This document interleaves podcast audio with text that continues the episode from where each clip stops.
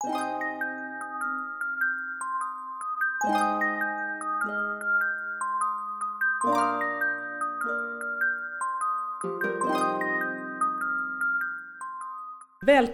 till podden En värld i förändring. Här får ni i varje avsnitt möta en extern gäst och en forskare från det tvärvetenskapliga forskningsprogrammet Mistra Geopolitics. Idag vill jag välkomna Helene Ågren, Sveriges havsambassadör med placering på UD och Lisa Delmot som är docent i internationella relationer vid Stockholms universitet. Och jag som leder samtalet heter Eva Krutmeijer. Först några ord om Mistra Geopolitics. Eh, det här programmet samlar forskare från olika discipliner och eh, under fyra år nu så har de undersökt många saker, men bland annat då geopolitiska konsekvenser av de djupgående Eh, klimat och miljöförändringarna som vi befinner oss i. Isar smälter, skogar brinner, arter dör ut och torka breder ut sig. Usch, nu blev det väldigt deppigt här. Men vi kan ju se att de här förändringarna utmanar många av de idéer, begrepp och berättelser som vi har format när vi har format vår moderna världsbild. Det handlar om sånt som mänsklig säkerhet, förhållandet mellan människa och natur, nationell och global säkerhet, principer för handel, för att bara nämna några områden. Och i en tid då världskartan grundläggande ritas om så måste vi ompröva etablerade politiska begrepp och institutioner och former av internationellt samarbete. Men världskartan det består ju inte bara av land utan också av hav. Sustainable Oceans är ett område som vi kommer att forska mer på framöver. Och I det här poddavsnittet ska vi diskutera hur vi tar hand om vårt gemensamma hav. Vad händer med havsförvaltningen när vi måste ta hänsyn till klimatförändringar, hotade arter, miljöproblem och dessutom en osäker geopolitisk spelplan? Jag tänkte låta mina gäster börja med att presentera sig själva lite kort och berätta för oss varför ni tycker det ni gör är så spännande och roligt. Och eh, då tänker jag att jag börjar med vår gäst Helene. Ågren, du är havsambassadör. Det är, sån, det är en sån häftig titel. Ja, ja men verkligen. Det är eh, kanske det största ansvarsområdet. Eh, jorden består till, eh, jordens yta täcks till 70 procent av vatten, så jag kan man säga har det största området eh, att täcka in. Hur känns det? Eh, ansvarsfullt, eh, roligt och spännande naturligtvis. Och hela världen är ju spelplan. Berätta lite om din bakgrund, hur det kom sig att du blev havsambassadör i Sverige. Ja, eh, min bakgrund, jag kanske är den, eh, inte säker men förmodligen enda kemisten på UD. Det är mycket bra. Är mycket jag har en eh, bakgrund inom eh, miljöfrågor kan man säga. Eh, intresserade mig för, för eh, miljöfrågor eh, under min tid på gymnasiet och hade en fantastisk lärare i, i kemi, biologi, eh, miljökunskap. Eh, sen eh, var jag väldigt engagerad i olika miljöorganisationer. Eh, När är vi nu? Är vi sent 80-tal, tidigt ja, 90-tal? Där? Tidigt 90-tal, mm. sent 80-tal mm. precis. Mm. och ja, engagerade mig i en ungdomsorganisation då och inför FNs konferens om miljöutveckling som var i Rio 1992. Mm. Sen var jag fast kan man säga. Spännande. Var det någon speciell miljöfråga som, eller var det liksom havet redan då? Eller var det, Nej, eh, jag började jobba med havsfrågor ganska sent, 2017 inför att Sverige skulle stå värd för FNs första konferens ah. eh, om havsfrågor. Eh, sen, men, in, men jag har jobbat mycket med, med andra miljöpolitiska mm. frågor mm. på, inom myndighet och även på Miljödepartementet. Hållbar utveckling, klimatfrågor, produktion och konsumtion och grön ekonomi. Mm. Så där har jag min bakgrund. Vad intressant att du just nu då i det här skedet när vi har coronapandemi och allting har världens största verksamhetsområde och får inte resa. Mm.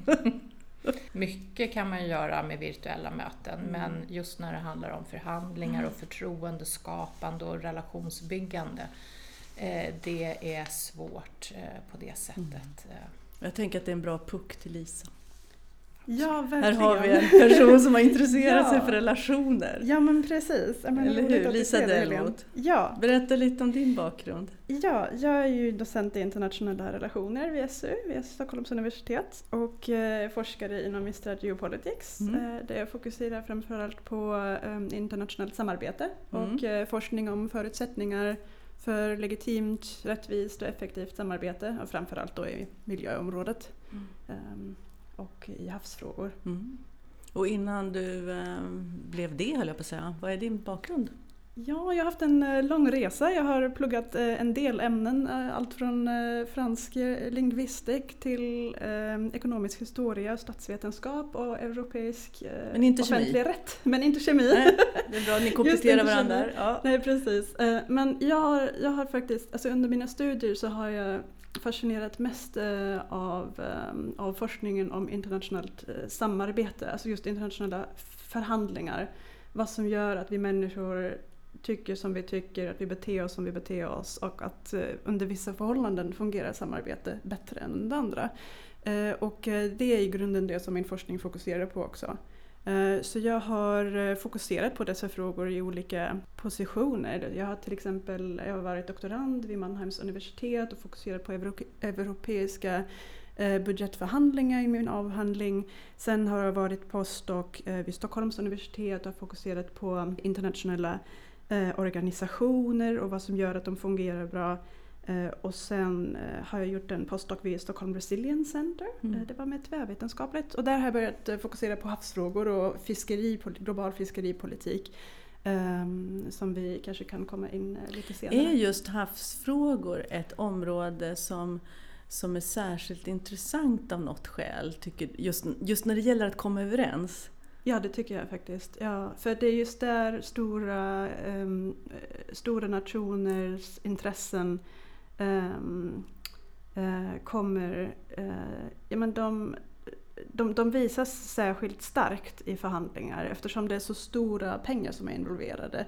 Eh, alltså fiske, vissa fiskebestånd är värda mer än andra och eh, men, det, det är otroligt starka intressen i internationella förhandlingar.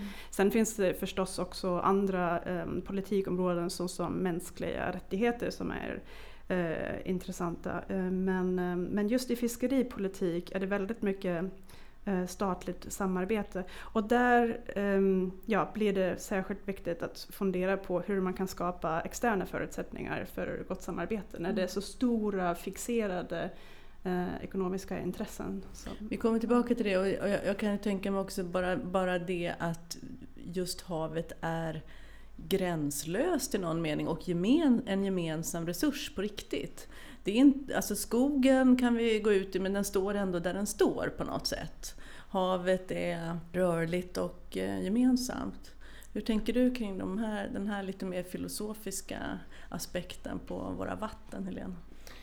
Eh, jo men det, det är verkligen så, det, det binder oss samman och eh, vi bygger än så länge inga murar i havet och sätter precis. upp gränser på det sättet, även om vi har liksom, gränser för eh, vad som är eh, nationellt eh, vatten och vad som, var, var gränserna går till internationella, även om det också eh, em, finns olika regler för hur Precis. sätta de gränserna.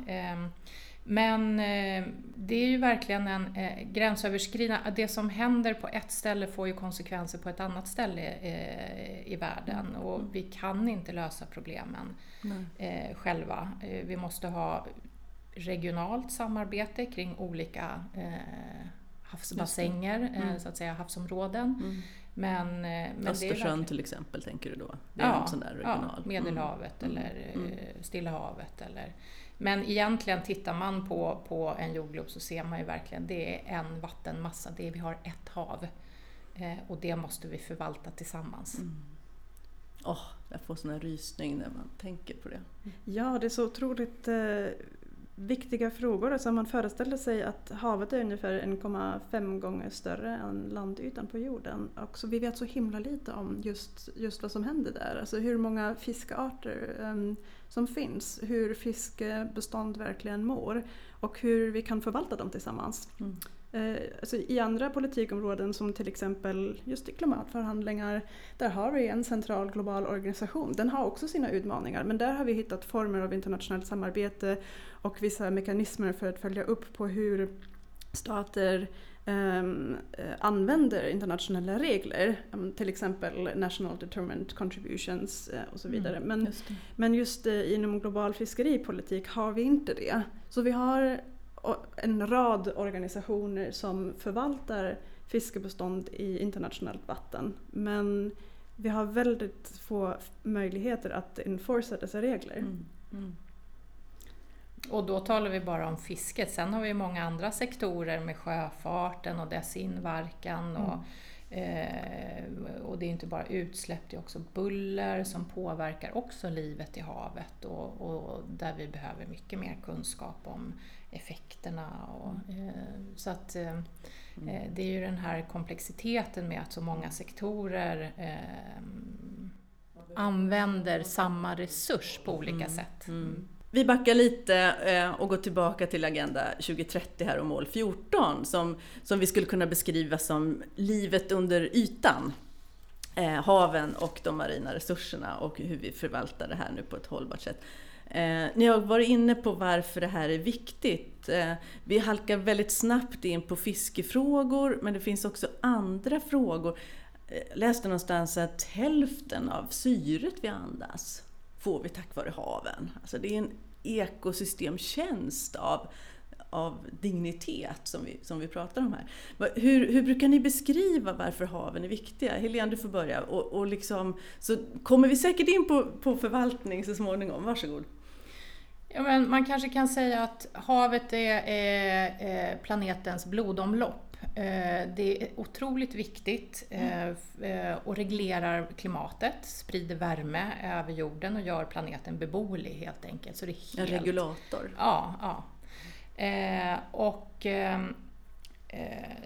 sen spelar det en enormt viktig roll också i kolcykeln. Så eh, både vattnets och kolets kretslopp eh, på jorden, eh, där spelar ju havet en avgörande roll. Så att, tar hand om en tredjedel av koldioxiden? Läste jag någonstans. Ja, alltså, havet har ju absorberat ungefär 90 procent av den värmeenergi som eh, utsläppen av växthusgaser och klimatförändringarna har orsakat och 25-30 procent ungefär har absorberat eh, eh, koldioxiden. Mm.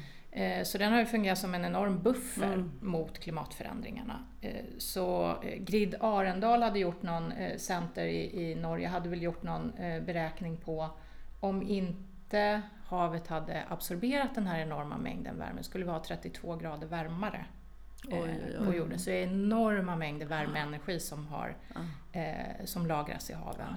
Det och det är det vi ser, liksom, den energin som vi ser i de förändrade vädermönstren med ökade stormar och extrema väderhändelser. Mm. Mm. Så det är ingen tvekan om att det här är superviktigt för oss. Och ändå blir det ganska bråkigt Lisa, får man säga det, på en, på en politisk spelplan. Då du var inne på det nyss med, med fisket och regleringarna. Och, kan du komma in lite på de internationella organisationerna här som finns och vad de gör och hur de har förändrats senaste tiden? Ja men absolut. Eh, jag tänker de centrala internationella organisationer som är relevanta för ehm, havsförvaltning, det är de eh, regionala fiskeriorganisationerna. Det finns eh, 17 stycken. Eh, på totalt sätt och eh, de kan då fatta beslut eh, som stater behöver genomföra, framförallt om fångstkvoter. Mm. Och alltså de, de förvaltar alla delar av det internationella vattnet kan man säga. Och det är 17 stycken? Det är 17 stycken, precis. Vi har till exempel um, den internationella kommissionen för bevarande av tonfisk i Atlanten, ICAT, det är en av de största. En annan stor handlar också om tonfiske, eh, tonfiskkommissionen för den Indiska oceanen. Alltså ni hör i namnen liksom att mm. de, de förvaltar olika delar av, av havet. Då. Men, ehm, och och det, är, det är framförallt inte, alltså sta, mellanstatliga förhandlingar kan man säga. Sen finns experter, eh, forskare och eh, icke-statliga organisationer, framförallt eh, civilsamhällsorganisationer men även stora ekonomiska intressen, alltså fiskeindustrin, mm. eh, som sitter där vid förhandlingsbordet och de har olika ingångar. Eh, de kan till exempel vara delar av eh, medlemsstatsdelegationer och på så sätt påverka det politiska spelet eller så kan de delta direkt i förhandlingar och ibland till och med ha rätt att tala och yttra sig. Oftast, och det är oftast civilsamhällets som, som bara är observers.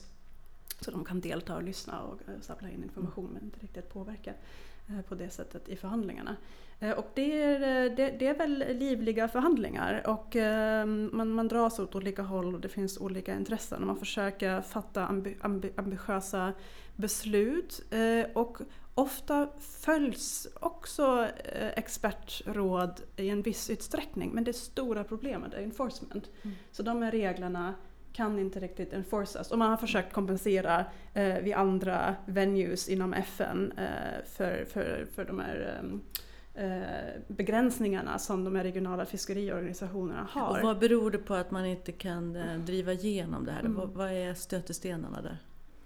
Ja, um, men det är eftersom det inte finns uh, någon, uh, någon auktoritet uh, i, inom de, de här det är ingen som kan slå ner klubban i borden, ja. bordet och ja, säga Man kan inte tvinga stater. Och sen finns också, alltså, internationellt vatten är det inte bara stater ibland som inte eh, tillämpar internationella regler utan det är också mycket illegalt fiske. Och det är, är det inte också en konflikt mellan kortsiktigt och långsiktigt? Alltså många, man har en känsla i alla fall att många som, som lever på fiske eh, vi, vill ha eh, sin försörjning tryggad på rätt kort sikt. Alltså man, man är inte riktigt lika bekymrad som många forskare som tänker liksom mycket längre fram och vill ha en hållbar liksom, fisk, ja, eller hur? Absolut, och då, alltså, när jag tänker på den frågan, mm. då kommer jag ju också in på hur det som händer där ute, långt borta i det internationella havet, påverkar oss direkt eftersom um, det, det är just kortsiktiga stora starka ekonomiska mm. intressen eh, som, som, som, som står emot eh, långsiktiga överlevnadsintressen bland kustbefolkning men även oss som, som eh, eh end consumers mm. i Sverige till exempel eh, som vill ha matsäkerhet eh, fram, lång tid framöver. Haven som liksom. proteinkälla. Ja, och, ja. Det var man pratar om food security. Exakt, de är mm. kortsiktiga ekonomiska intressen. Alltså bara ett exempel, att Kina till exempel um, Eh, alltså 95 procent av det de fiskar är ju för export, bara 5 procent är för den inre marknaden. Um, och eh, det subventioneras mm. också en del fiskeri. Så det, det, är många otroligt stora omsättningar av pengar på den här marknaden. Uh, och um, det, är bara, det är bara 14 um, uh, fiskerinationer som fiskar ungefär 90 procent av den totala internationella um, fångsten. Vad sa du? En gång till. Det, det, är, det, är, bara... det är 14 länder ja. som fiskar 90 procent av Otroligt. den internationella fångsten. Otroligt. Precis. Ja. Uh, och det, det, är då framförallt um, uh, Kina, numera också Indonesien, uh, USA, Japan. Och väldigt mycket för export då, som du och sa. Och väldigt ja, mycket för export, ja, precis. Och det påverkar ju matsäkerhet direkt, de här långsiktiga intressen som vi har. Helene? Det är väldigt viktiga frågor eh, som du tar upp här och det, det pågår ju just nu, alltså den mängd pengar vi pumpar in i ohållbar verksamhet, att vi använder offentliga medel, eh, våra gemensamma eh, resurser, till att underminera en annan gemensam resurs, eh, havet och eh, livet där i. Hur skulle man göra istället då? Hur skulle det vara?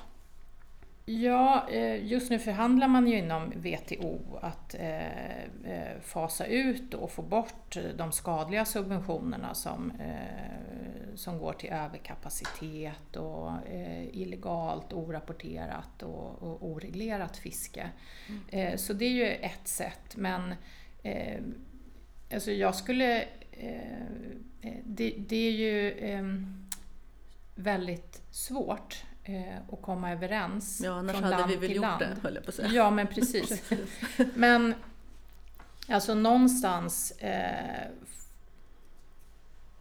Tänk, alltså det som handlar, det är ju kärnan i en hållbar utveckling, ett ansvar för kommande generationer. Och nu talar vi inte bara liksom om våra barnbarn, det här är våra barn och det här är, är saker som kommer påverka vår egen livstid.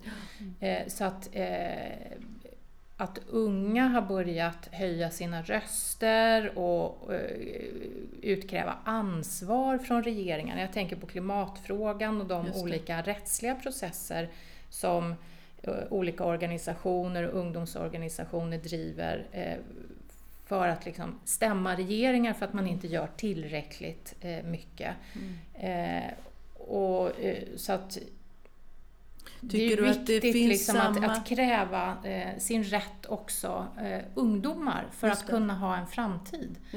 Eh, finns, är... den, finns det engagemanget också när det gäller havsfrågor som vi har sett i klimatfrågan? Är det bara vi som inte riktigt har talat om det så mycket? Eller hur skulle du vilja beskriva det engagemanget?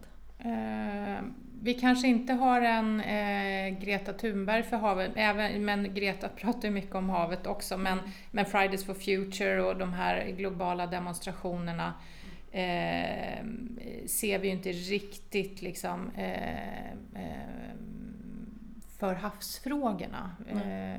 Men det kommer nog. Mm, det kommer nog. Precis, därför var jag också så glad att jag såg i den här rapporten som kom ut eh, häromdagen, den här Formas SMHI-rapporten. Mm. Och, och Havs och vattenmyndigheten. Ja, mm. precis. Att den talar så mycket om havsmedvetenhet. För att jag tror att det ökar medvetenhet bland befolkningen, bland unga. Men även internationellt är det otroligt Vi lägger ut en länk på hemsidan så ni hittar den, ni som lyssnar här nu. Eh, berätta Lisa, vad var det du tyckte om havsmedveten, vad var det du fastnade för där? Ja, men jag fastnade för att uh, den fick en egen rubrik här. Mm. Att, uh, att uh, den lyfter fram havsmedvetenhet som en förutsättning för hållbara beslut och god förvaltning. Alltså det är just en diskussion tror jag som, som man i Environmental Social Science har haft Eh, på flera årtionden. Alltså hur man kan förändra normer och värderingar bland mm. den större befolkningen men även bland eh, de som ska omsätta internationell politik, alltså regeringar och fisk, fiskeindustrin och så vidare.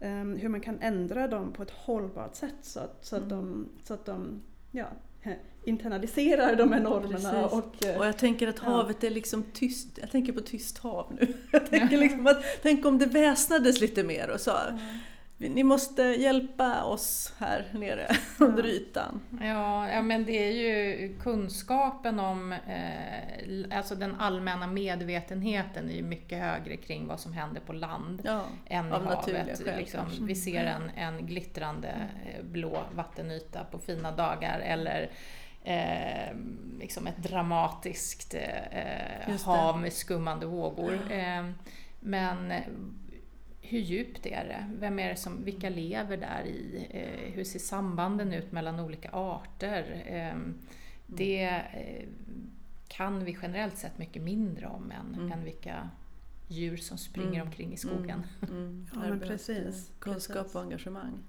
Men när man, när man tänker på att alltså, i över 40 år har vi sett eh, över, ökande överfiske nu. Eh, och i de här Exclusive Economic Zones som är då ungefär 370 kilometer från kusten. Eh, där ser vi ju också otroligt mycket överfiske. Nästan en tredjedel av de fiskebestånd som vi vet om är överfiskade. Det är helt ohållbart. Och på internationellt, eh, och 60 procent av fiskebeståndet är fiskat till kapacitet. Det betyder att de, de klarar sig.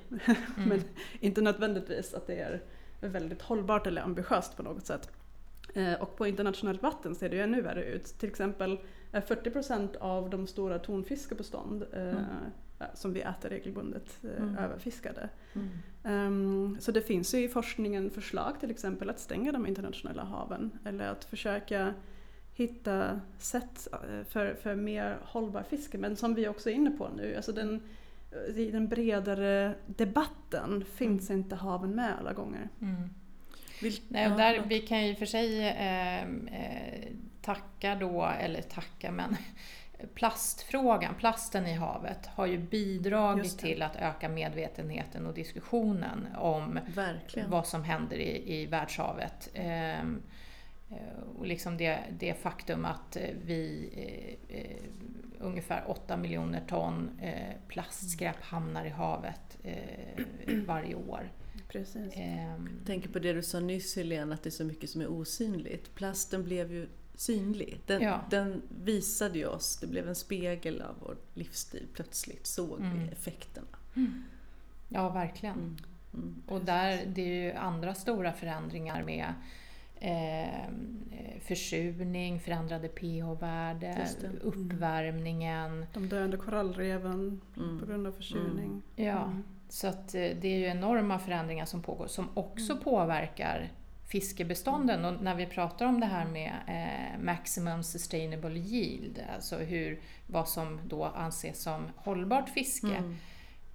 Då tittar man ju på en art och, och dess bestånd, men hur hela ekosystemen mår och hur det påverkar arterna. Där finns det ju fortfarande mycket eh, kunskap som behövs. Eh, hur till exempel eh, pH-värde, salthalt, syrehalten i havet, alltså den kombinerade effekten av uppvärmningen av havet samtidigt som vi tillför eh, näringsämnen från jordbruk och avlopp och så vidare. Eh, bidrar ju till eh, syrefria, syrefattiga områden i havet. Och det påverkar ju naturligtvis Jag livet. läste någonstans just om hur eh, försurningen innebär att eh, skaldjuren inte kan bilda sina kalkrika skal. Mm. Du som är kemist vill liksom förstå det här. Min utbildning tror jag är Ja, preskriberad tänkte- vid det här laget. Ja, det, är liksom ren, det blir helt enkelt för surt för att dessa kalkrika skal ska kunna bildas. Och då var, då var det någon eh, som uttryckte, ja men skaldjuren, liksom ungefär som att man såg för sig liksom på fina franska restauranger, vi kan nog klara oss utan dem. Men kära någon, det är proteinbasen för Mm. hela vår värld. Mm. Ja precis, och det förvärras ju av klimatförändringarna. Alltså det är ett Precis, sätt som klimatförändringarna påverkar havet också. Väldigt tydligt. Förvärras. Väldigt tydligt. Men Sverige har ju ändå etablerat en hög profil får man säga Helene, i just de här områdena. Det måste ändå kännas bra om vi ska liksom vinkla det här till nu, vad ska vi göra? Nu, nu har vi förstått hur allvarligt det är. Och eh, jag vet ju att den här stora konferensen, The Oceans Conference, som var i New York 2017, det var ju väldigt mycket ett svenskt arbete bakom den. Mm. Vill du berätta lite om det och hur, vad händer nu i pandemitider? Liksom hur, hur håller ni lågan eh, brinnande i de här frågorna idag? Mm. Eh, jo men eh, det var ju Sverige och Fiji tillsammans, det var ett partnerskap eh, mellan våra länder som eh, vi eh, erbjöd oss att stå värd, eller vad man ska säga, eh, eh, organisera och leda arbetet med den första FN-konferensen Mm. om havsfrågor. För som vi pratade om, förvaltningen av havet, det är väldigt splittrat. Det är många aktörer, eh, också globalt. Vi har IMO som jobbar med sjöfartsfrågorna, UNEP, FNs miljöprogram som har ansvar för miljöfrågorna. Eh, eh, vi har eh, ISA, International Mm. Seabed Authority, som har eh, eh, ansvarar då för havsbotten eh, på internationellt eh, vatten. Så alla Eh, de här så kom att- samman? Ja, så att den här splittrade bilden när det gäller styrning och förvaltning eh, gjorde att det fanns ett behov liksom, att samlas och, och diskutera helheten kring havsfrågorna. Så det, eh, eh och- ett syfte var också att öka medvetenheten eh, generellt eh, och samla olika aktörer. Och, ehm, eh, det här mötet ledde ju till både en, en politisk deklaration, en call for action och eh, eh över 1400 frivilliga åtaganden eh, som olika eh, aktörer gjorde, både länder och företag och civilsamhällsorganisationer. Eh, har det gjort någon, gjorts någon uppföljning eller vet man om de där frivilliga åtagandena har efterlevts? Ja, eh, på, eh, från svenskt håll. eh, Det var aktörer som gjorde sammanlagt 52 åtaganden från Sverige, så Havs och vattenmyndigheten har gjort en uppföljning av Mm. de svenska åtagandena. Sen så jobbar FN-sekretariatet med att titta också på de alltså samtliga Mm, mm. Eh, åtaganden. Men det är också ganska knepigt för att det är, eh, det är stort och smått. Det är Mhm. verkligen svårt att summera upp effekten eh, av dem. Visst kan man checka av liksom, eh, har man genomfört det man har sagt att man ska göra, det är en sak. Men att verkligen Jag förstår. utvärdera den sammantagna effekten, det är någonting annat. Vad är din känsla då? Går det åt rätt håll där? Eh, alltså totalt sett när det gäller havets tillstånd så går det nog inte åt rätt håll. Eh, men det har påbörjats en massa olika processer för att eh, samverka, för att ta tag i problemen. Kan man Eh, uttrycka det som att man ändå lyckades piska upp någon slags Ja, sense of det- urgency ja, och man liksom absolut. kom tillsammans? Frågorna har stigit på den globala dagordningen, det skulle jag absolut säga. Men hur ser du på, på um, möjligheten att skapa um, här partnerskap mellan länder framöver? Alltså att man fördjupar samarbetet, att man försöker um, sammansluta sig till klubbs för att öka press på, på stora fiskerinationer. Um, ehm, att fiska mer hållbart. Eh, jo men jag tror också att det måste byggas upp ett tryck totalt i samhället eh, eh, kring frågorna och sätta press på, eh, på regeringar och eh, öka medvetenheten. Och det finns ju många olika tillfällen att göra det i och med att det är så eh, många aktörer och så många frågor som, som berör haven. År 2021 till exempel har vi en, ett stort internationellt, eh, en FN-konferens, eh, Food System Summit. Mm. Ehm, och där handlar det ju om hur, hur vi ska... Var går den? Eh, rent fysiskt... Ja. Eh, Är det, det är jag osäker på faktiskt. är det ens ett fysiskt möte? Ja, det, det är frågan. Det är frågan. Online? Vi får se om, om eh, Ja. Och när det blir av och var, i Ja. vilken form. Men vad Men- intressant att man tar hela food system som så att säga grepp där. Ja, men vi får faktiskt eh, slåss för också att havet är inkluderat. Och, och Vad säger eh, du? fisk och skaldjur. Men i, i de första dokumenten som, som kom ut så Mm. var det väldigt marginellt eh, hur man adresserar Mhm. fiske, akvakultur och eh, hela det. Vilket är anmärkningsvärt med tanke på att en miljard människor är beroende av, helt beroende av protein från havet för, för eh, eh, Och det är bara den direkta, sen har vi det indirekta med alltså, Ja, eh, så att eh, eh, och, och när det gäller klimatförändringarna så pratar vi ju mycket mer om torka och effekterna på Mm, jordbruket just och vad innebär det här för livsmedelsproduktionen. Men när det gäller havet, det påverkar ju fiskebestånden också. Så fiskarna migrerar ju mer, eh, flyttar sig från de tropiska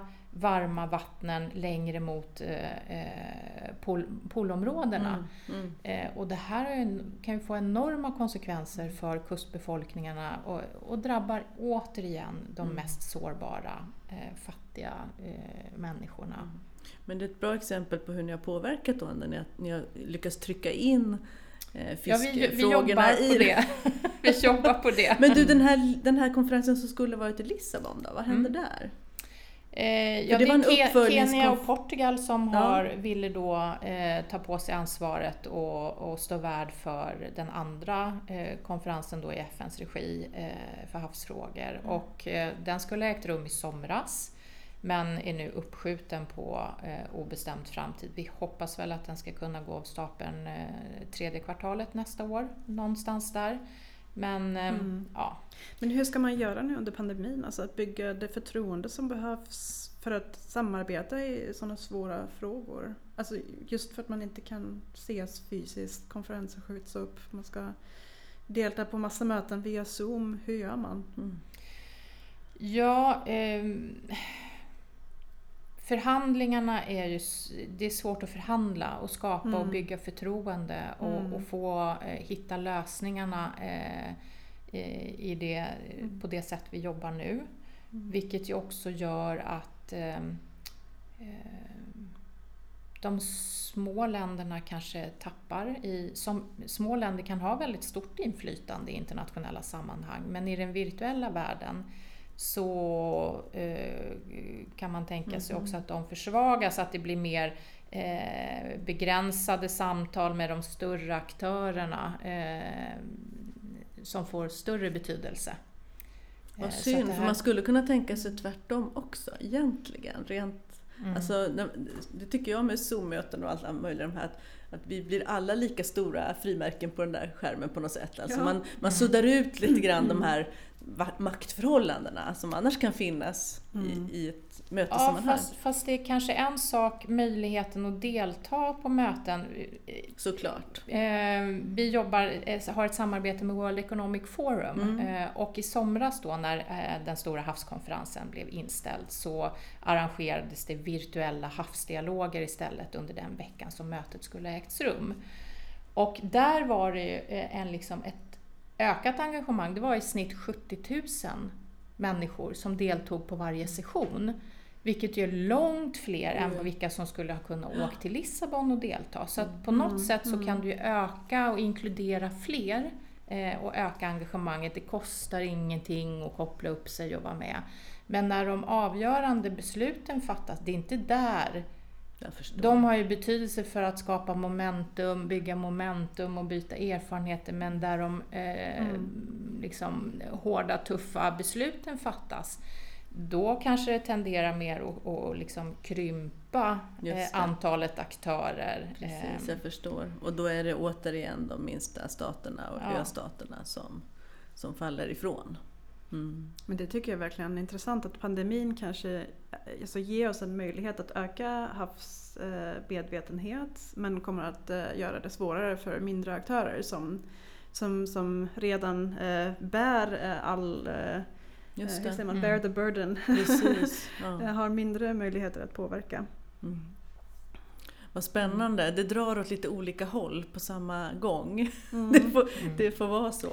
Ja, men just det, så, jag tänker just det, spänningen mellan um, men stora industrinationer eh, som tjänar otroligt mycket på internationellt fiske och även på andra havsresurser eh, som kanske nu har kommit lite i bakgrunden i Precis, diskussionen. precis. Eh, Som till exempel eh, marina genetiska resurser, det är ett nytt eh, spännande forskningsområde och ehm, det kanske hör vi mer framöver också.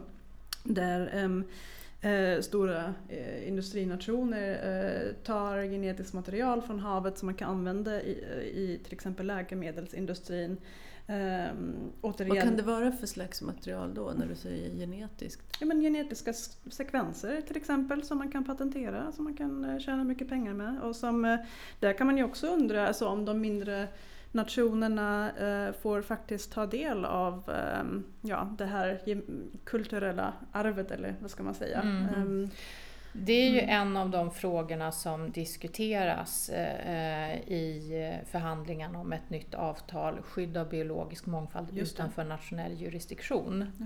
Eh, och det är ma- marina genetiska resurser och fördelning av nyttan av dem. Och det är, det är ju en av de knepigaste frågorna att komma eh, överens om. Eh, och det är ju också eh,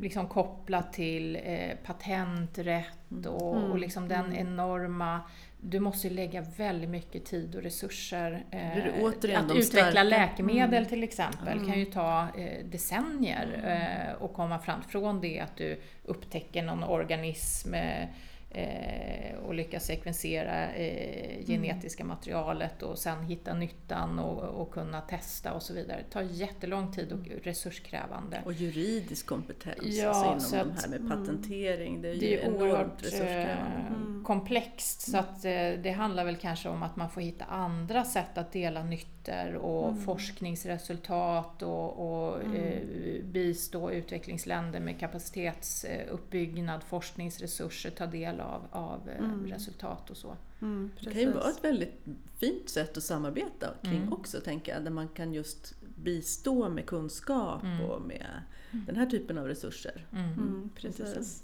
Men kärnfrågan för mig är verkligen enforcement eh, av reglerna. Mm. Och eh, där har vi ju där är ju internationellt rätt egentligen en toothless tiger. Mm. Mm. Eh, alltså- en tandlös tiger. Det gick väldigt lätt att översätta.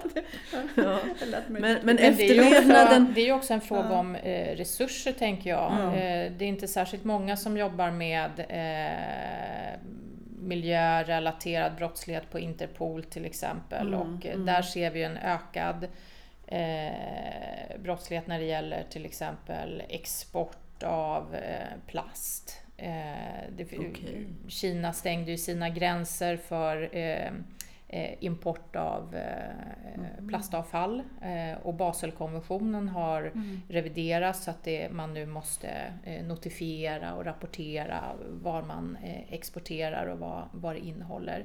Mm. Så att det här är också ett område där brottsligheten stiger. Det finns mycket brottslighet kopplat till fisket, Mm. illegala fisket och där det samtidigt pågår massa annan eh, verksamhet med smuggling av vapen, narkotika, trafficking Mm. Slavarbete. eh, slavarbete till, till eh, havs. Så att eh, jag skulle ju gärna se också förstärkningar inom eh, internationell brottsbekämpning ko- och kompetens kring de här Mm. frågorna. Det är väl också ett väldigt viktigt sätt att markera. Och där är det Mm. spännande med teknikutvecklingen att, att eh, vi får ju också verktyg för bättre övervakning. Jag har med, förstått det. Man Mm. pratar om art- artificiell intelligens och datainsamling och Mm. använda algoritmer. Och... Är det här någonting som Jo, ni satellitövervakning. Man kan Ja. ju följa eh, fartygen om man inte stänger av transpondrar och så Ja, vidare. det. men, men eh, det går ju att följa eh, fartyg, var de befinner sig och, och göra analyser av hur snabbt åker de, var befinner de sig, Då kan man dra åker man slutsatser. över... Ja. Mm. Ja, Mm. Men här Vad är tror du resurs- Lisa? Ja, Ja. resursfrågan är ju också en eh, kä- kärna här. Alltså, mm, det är klart vi har mycket bättre tillgång till stora data, big data Mm. eh, numera, till exempel satellitdata. Men det, måste ju, det behöver ju analyseras och artificiell intelligens behöver utvecklas. Så inom Mr Geopolitics-programmet eh, har vi ju nu fått, eh, tack och lov, viktiga resurser för att göra den här slags forskningen där man kan just eh, använda sådana data och eh, forska mm, eh, om de sociala och ekonomiska politiska konsekvenserna. Och det kommer vi få se resultat de närmaste åren. Ja, precis! Inom de kommande fyra åren. Ja, det blir spännande. Jätteroligt, jätteroligt. Hörrni, jag brukar ju också be mina gäster ta med varsin bok för att liksom stimulera till läsning och kunskapsinhämtning. Och jag är jättenyfiken nu på vad ni har tagit med er.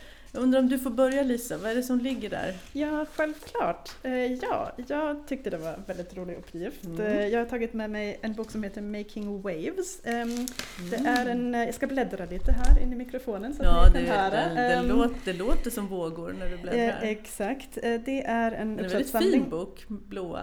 Den är väldigt fin, ja. Det här umslaget. Eh, När man öppnar den så ser man att det är faktiskt en doktorsavhandling det av min före detta doktorand Matilda Pettersson som har nyligen disputerat vid Stockholms universitet. Och eh, det här är, men det här är ingen vanlig avhandling. Den är, den är verkligen briljant och är väldigt tillgänglig eh, och handlar om ehm, politik och förvaltning i internationellt vatten och eh, i all korthet eh, om hur icke-statliga aktörer och partnerskap eh, är viktiga för hållbar fiskeripolitik. Eh, och, så, Och Matilda, Matilda Pettersson vi lägger hon. ut bild och länk på Ja, hemsidan. Precis, för den, den här, det, det är verkligen, och det, det är en rad, innehåller en rad artiklar som är redan publicerade i High Impact Journals, verkligen eh, gedigen Mm. forskning om just hur icke-statliga aktörer och partnerskap kan påverka hållbar fiske. Jag tänker också att titeln eh, för tankarna till eh, att också skapa ringar på vattnet och att eh, liksom skapa en vågrörelse här nu så att det händer saker. Va, Vad vill du rekommendera Helene? Och jag har tagit med mig en bok av Patrik Svensson, Åh, vad Ål kul! evangeliet. Ja, den lyssnade jag på i somras. Ja, jag tycker att den är fantastisk på många sätt. Både liksom belyser det här med vetenskapliga mysterier och passionen i att försöka lösa de här gåtorna och vetenskaplig metodik. Verkligen. Samtidigt som det också är en finstämd berättelse om relationen mellan far och son och människan och naturen och livet och döden. Och, eh, så att den har många dimensioner som jag återkommer till i tankarna eh, mycket. Så att jag tycker att den är Eh, jag håller med och den är samtidigt nästan en deckarhistoria. Alltså det är så många människor som har varit involverade i ålfrågan på olika sätt. Ja, det var så lite överraskningar med Sigmund Freud ja, som var... eh, åkte ner till Trieste och letade efter eh, ålarnas testiklar. Nej, det... som han eh, liksom, ja. inte det kanske som han är mest känd för. Men eh, väldigt fascinerande berättelse tycker jag. Vad bra att du tog med den. För jag, jag, tänker också, jag som jobbar med kommunikation tänker ofta på berättelsens makt. Och när vi nu pratar om havet som tyst och lite osynligt och lite under ytan. Det är just sådana som Patrik och andra som, som lyckas liksom dra upp historierna mm. och göra dem verkliga för oss, engagera mm. oss mm. Med känslor och, och fantasi. Och det är mm. då vi börjar haka i också känslor av vilja ta hand om och bevara mm. och utveckla på ett hållbart sätt. Mm. Och den belyser ju också, eh, om man tänker, eh, alltså vad vi än gör i Sverige eller ens eh, Europa mm. så kommer inte det rädda ålen. Utan här, eh, ålen vandrar ju till Sargassohavet mm. där eh, de har sina lekplatser mm. och tillbaka över hela Atlanten. Så det är otroligt fascinerande. Men det visar också på vikten av eh, samarbete, eh, globalt mm. samarbete för att åstadkomma förändring. Och också den här härliga ödmjukheten att mm. vi vet fortfarande så himla lite. Ja. Och de simmar där och de tar sig fram och vi vet inte hur och varför. Och det mm. är ju väldigt fascinerande. Helt fascinerande att lyssna på er. Jag måste läsa den här boken. Läsa den. Ja. Läsa. Ja. Men Lisa, om jag får ställa så frågan till dig då, du som är ja. mitt i din forskning och forskarkarriär. Hur, hur förändrar din forskning ditt sätt att, att förhålla dig till, till de här frågorna? Mm, mitt personliga mm. förhållningssätt? Mm. Eh, jag tror att, eh, alltså jag är uppvuxen på 80-talet i sydvästra Tyskland. Är en ganska eh, liten industristad där man inte la särskilt mycket märke kanske på att leva hållbart och i enlighet med naturen. Mm. Men att man, alltså man började då att införa att, sortera, att källsortera ja, och så. Mm. Så det, det, är väl inte så, alltså jag, har, jag tror att min egen forskning och att jag har det här privilegiet att lära mig från andra och bidra själv med kunskap. Eh, alltså det, eh, det, det, är klart att det, det har förändrat mig otroligt mycket de mm. senaste, framförallt de senaste tio åren sedan mm. jag har disputerat. Uh, ja. Så jag blev själv mer miljömedveten. Mm. Det är klart. För jag märker också hur mycket jag själv kan påverka och att man, man inte får uh, gå i den här fällan att man tänker att jag själv är så liten, jag kan inte påverka. Ja, men kan man visst det. Framförallt om man är en, en eh, consumer. Um, och särsk särskilt med tanke på um, havs och fiskefrågor där så mycket är som jag var inne på i, början av samtalet, så är så mycket är driven av stora ekonomiska intressen. Det kan man driva särskilt mycket som en consumer. Mm. Så, så forskningen om internationella relationer i förhållande till de här frågorna har gjort att du samtidigt har känt att du har blivit lite eh, empowered som människa, får man ja, använda det uttrycket? det kan man säga. Absolut. Mm. Absolut. Hur är det med dig Helene? Mm.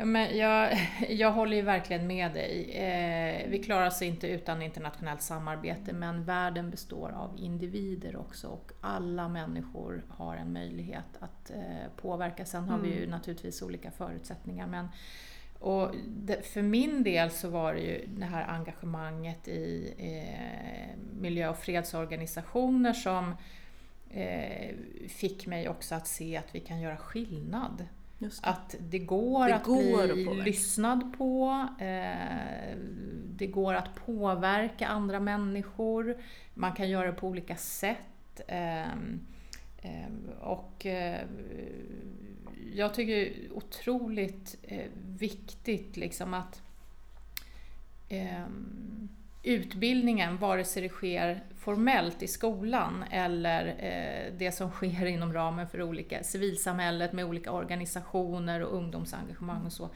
Att det verkligen får unga människor att se att eh, det lönar sig, liksom att man kan åstadkomma förändring genom engagemang, kunskap eh, och dialog med andra.